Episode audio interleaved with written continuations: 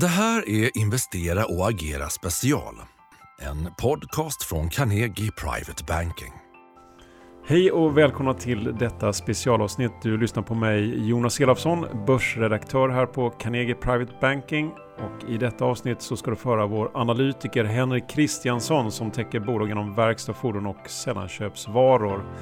Och dagens presentation det höll Henrik när han gästade vår seminarieserie Börshösten 2021 där han gick igenom sällanköpssektorn eller Consumer Discretionary som sektorn faktiskt kallas på finansengelska. Och det är alltså sånt som konsumenter köper sporadiskt, exempelvis eh, tvättmaskiner och bilar och vanligen konjunkturkänsliga bolag.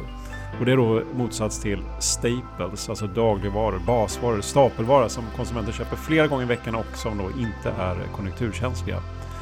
Och idag ska vi få veta vilka trender som vi ser i sektorn, osäkerhet och möjligheter inom sektorn och hur man som investerare ska resonera och agera.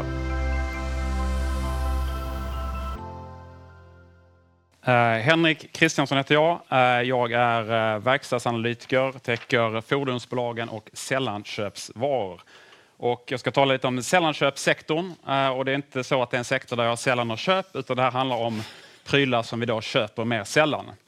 Eh, om vi då tittar vad som har hänt då i spåren av pandemin så har vi haft en eh, ökad konsumtion i vissa segment och då kan man framförallt då highlighta elektronik och eh, vitvaror som då har växt väldigt kraftigt. över, över 5 procent. Om man tittar då 10 år historiskt tillbaka så har det varit ungefär noll tillväxt i den kategorin.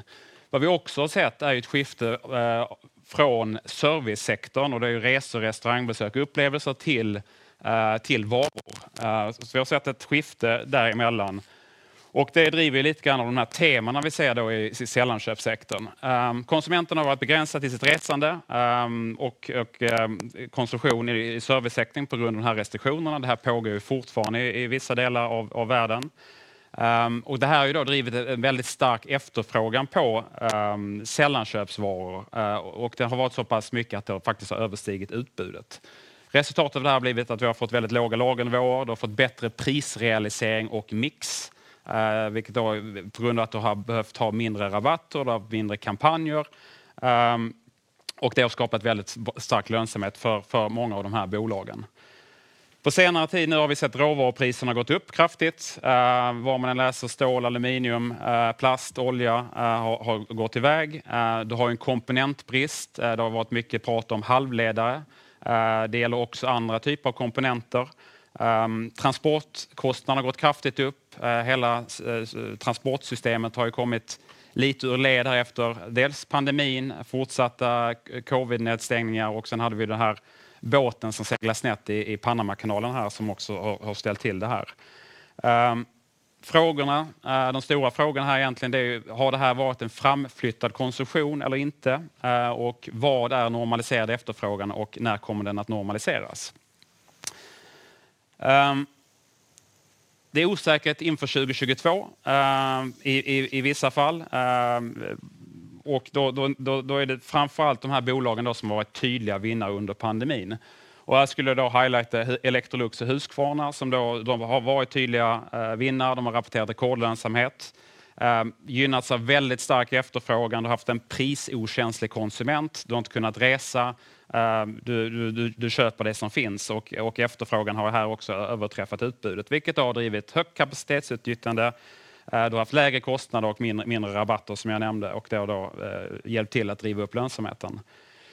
Sen finns det en effekt här eh, som, som jag funderar över, det är om det har blivit en påtvingad eh, konsumtion av mer premiumprodukter. För eftersom det har varit väldigt dåligt utbud eh, vad gäller diskmaskiner, robotgräsklippare, trimmers, så har ju konsumenterna gått in och velat köpa någonting, då har ju köpt det som har funnits på hyllan. Så han hade tänkt köpa den där billiga diskmaskinen, den var slut, vad ska vi göra? Vi köper den som finns. Och då har det ofta varit en mer premiumprodukt och det har då skapat eh, en, en liksom tydlig positiv mix för de här bolagen. Eh, sen tror vi det finns fortsatt bra förutsättningar för leveranser in i andra halvåret för, för de här bolagen, för de fortsatt låga lagernivåer, de behöver fyllas på.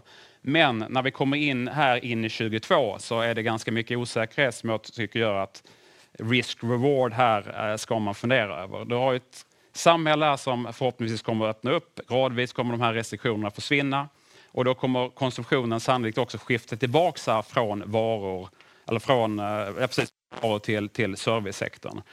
Eh, och just resor, eh, om man tänker på, på, på, sig själv och sin egen familj så utgör resor en ganska stor del av sin diskretionära eh, budget som man spenderar. Du har de här råvarukostnaderna, transportkostnaderna som jag nämnde. Det här kommer i, i en del fall kräva kraftigt, kraftiga prisjusteringar och det kan ju bli svårare då för att konsumenten att ta till sig det, att acceptera de här i, i, ett, i en situation när du kanske vill spendera på andra grejer.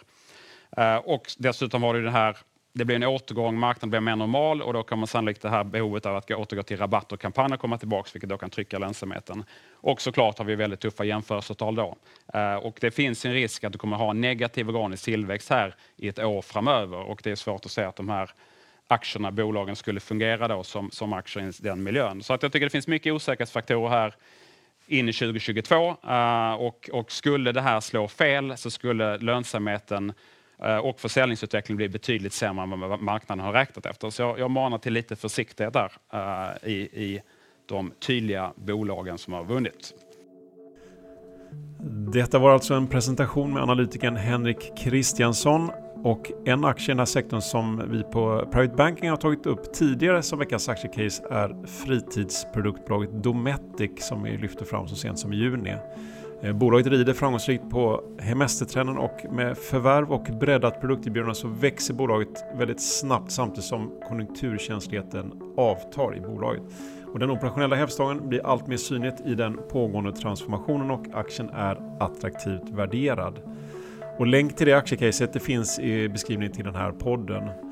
Och om du vill veta vilka aktier som Henrik Kristiansson rekommenderar i den här sektorn så kan du tala med din rådgivare eller se seminariet i sin helhet då i Carnegie online. Och vårt investeringsteam håller just nu på att slutföra vår strategirapport där vi samlar våra senaste investeringsidéer och portföljtankar. Och detta kommer du förstås att höra mer om i podden framåt.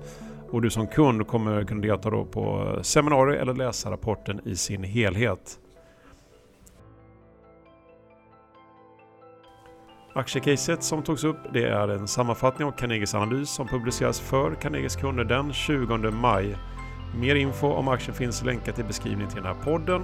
Historik och underlag kan du få ut genom att mejla mar information at carnegie.se. Tack för att du har lyssnat.